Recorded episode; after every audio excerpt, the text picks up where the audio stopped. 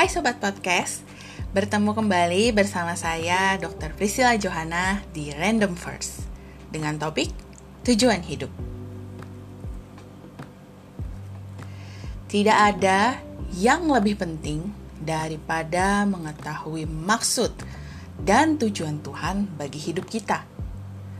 Dan tidak ada yang bisa memberi kompensasi untuk ketidaktahuan itu tidak kesuksesan, kekayaan, popularitas, atau kesenangan.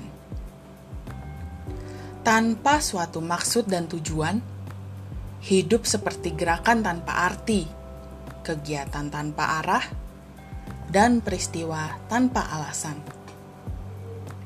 Mungkin di antara kita ada yang dikendalikan oleh kebutuhan akan persetujuan kita mengizinkan ekspektasi-ekspektasi orang tua atau pasangan atau anak-anak atau guru atau teman-teman mengendalikan hidup kita. Mungkin ada juga yang dikendalikan rasa bersalah. Orang-orang yang dikendalikan rasa bersalah dimanipulasi oleh ingatan masa lalu dan membiarkan masa lalu mengendalikan masa depan. Maksud dan tujuan Tuhan tidak dibatasi masa lalu kita. Mungkin ada juga yang dikendalikan dendam dan kemarahan. Orang-orang yang terus berpegang pada luka batin dan tidak pernah melupakannya. Bukannya melepaskan penderitaan melalui pengampunan, malahan mengorek-ngorek luka itu lagi dan lagi dan lagi di benak sendiri.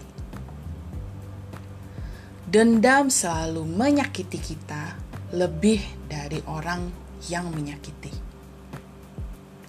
Mereka yang menyakiti kita di masa lalu tidak dapat terus menyakiti, kecuali kita terus berpegang pada luka batin itu melalui dendam. Masa lalu adalah masa lalu. Tidak ada yang bisa mengubahnya. Tapi kita bisa belajar dari masa lalu dan melepaskannya. Sabarlah kamu seorang terhadap yang lain, dan ampunilah seorang akan yang lain apabila yang seorang menaruh dendam terhadap yang lain sama seperti Tuhan telah mengampuni kamu, kamu perbuat jugalah demikian. Dan di atas semuanya itu, kenakanlah kasih sebagai pengikat yang mempersatukan dan menyempurnakan. Mungkin ada juga yang dikendalikan rasa takut. Orang-orang yang dikendalikan rasa takut sering kehilangan kesempatan-kesempatan besar karena mereka takut bertualang. Kita harus melawan rasa takut dengan senjata iman dan kasih.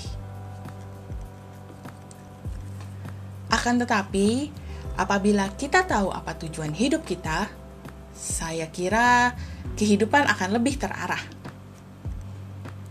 Mengetahui tujuan hidup memberi kita makna pada hidup mengetahui tujuan hidup, menyederhanakan hidup kita. Hal ini mendefinisikan apa yang kita lakukan dan apa yang tidak kita lakukan, kegiatan apa yang esensial dan apa yang tidak. Tanpa tujuan yang jelas, kita tidak memiliki landasan untuk keputusan-keputusan, alokasi waktu, dan pemanfaatan sumber daya. Mengetahui tujuan hidup membantu kita memfokuskan hidup.